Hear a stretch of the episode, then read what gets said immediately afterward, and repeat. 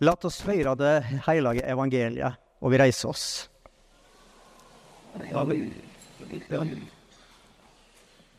Det står i Lukas 18. Han fortalte dem en likning om at de alltid skulle be og ikke miste motet. I en by var det en dommer som ikke hadde ærefrykt for Gud og ikke tok omsyn til noe menneske. I samme byen var det ei enkje. Hun kom gang på gang til han og sa, Hjelp meg i saka med motparten min, så jeg kan få min rett. Lenge ville han ikke, men til slutt sa han med seg sjøl, enda jeg verken har ærefrykt for Gud eller tek omsyn til noe menneske, vil jeg hjelpe denne enkja til retten hennes, siden hun plager meg slik, ellers ender det vel med at hun flyr like i synet på meg. Og Herren sa, Hør hva denne uærlige dommeren sier. Skulle så ikke Gud hjelpe sine utvalgte til retten deres, de som roper til han dag og natt? Er han sein til å hjelpe dem? Jeg sier dykk, han skal raskt sørge for at de får sin rett. Men når Menneskesonen kjem, skal han da finne trua på jorda? Slik lyder det hellige evangelium. Vær så god, sitt.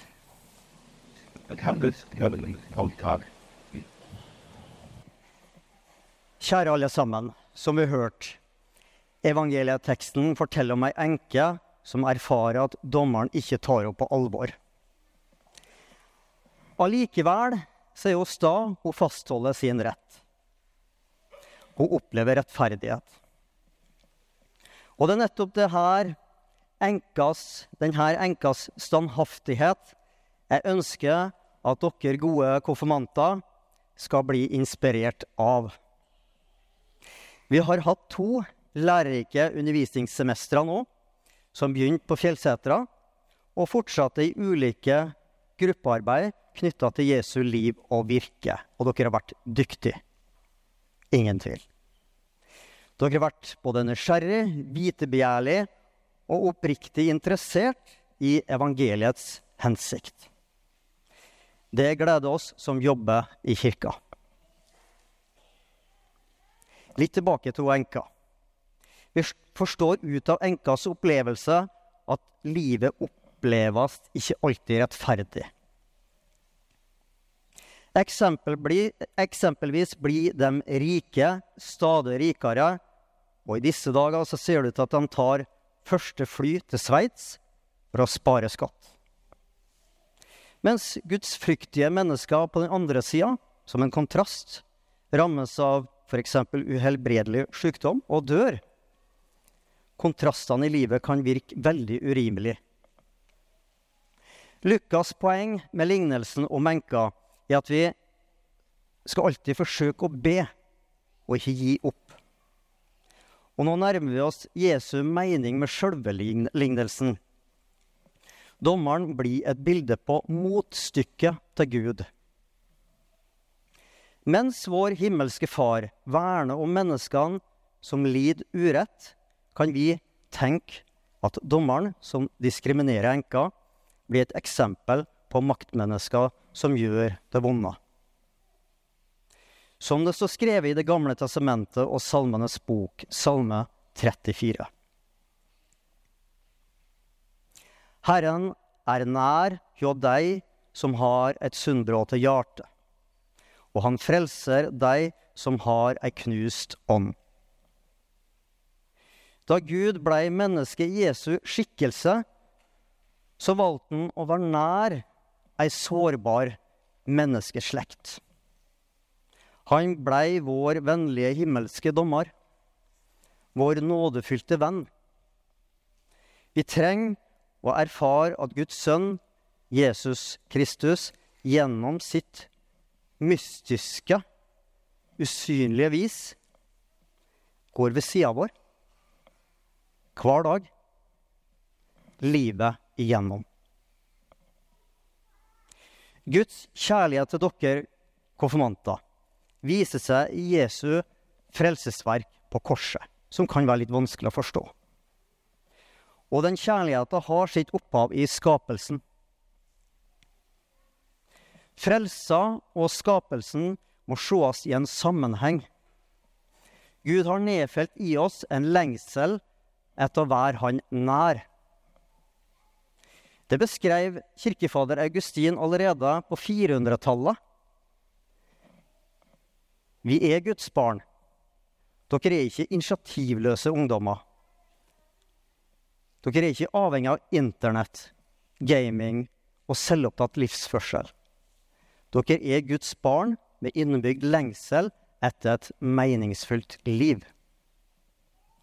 Litt etter litt forvandler Guds kjærlighet, gitt i dåpen, deres innbilte svakheter til styrke. Du trenger bare litt mer livserfaring for å kjenne at det faktisk er en del av din hverdag. På det viset forvandler nåden overfladiske liv til et levende liv i Kristus, fylt av dybder og reflekterte valg. Ingen beskriver dette bedre enn apostelen Paulus i sitt andre brev til menigheten i Korint, kapittel 4. For Gud som sa, lys skal stråle fram fra mørket. Han har late det skina i våre hjerter, så kunnskapen om Guds herligdom i Jesu Kristi andlet skal lyse fram.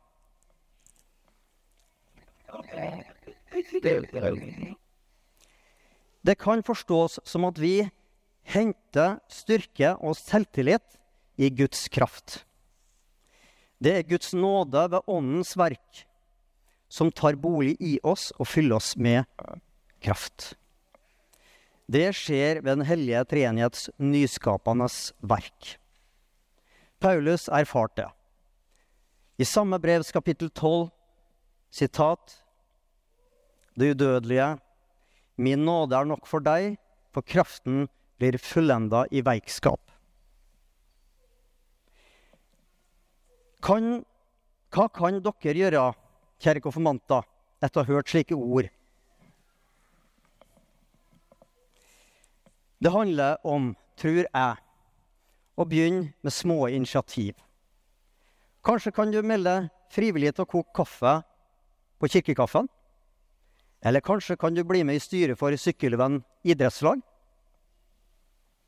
Kanskje kan du bli besøksvenn til en pensjonist på Buas med få slektninger i bygda? På det viset kan du muligens erfare at Gud fører deg ut i nye gjerninger, og livet blir enda mer variert.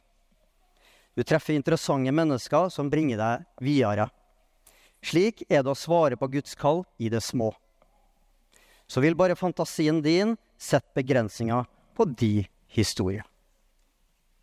Ære være Faderen og Sønnen og Den hellige ande, som var og som er en sann Gud fra evig og til evig.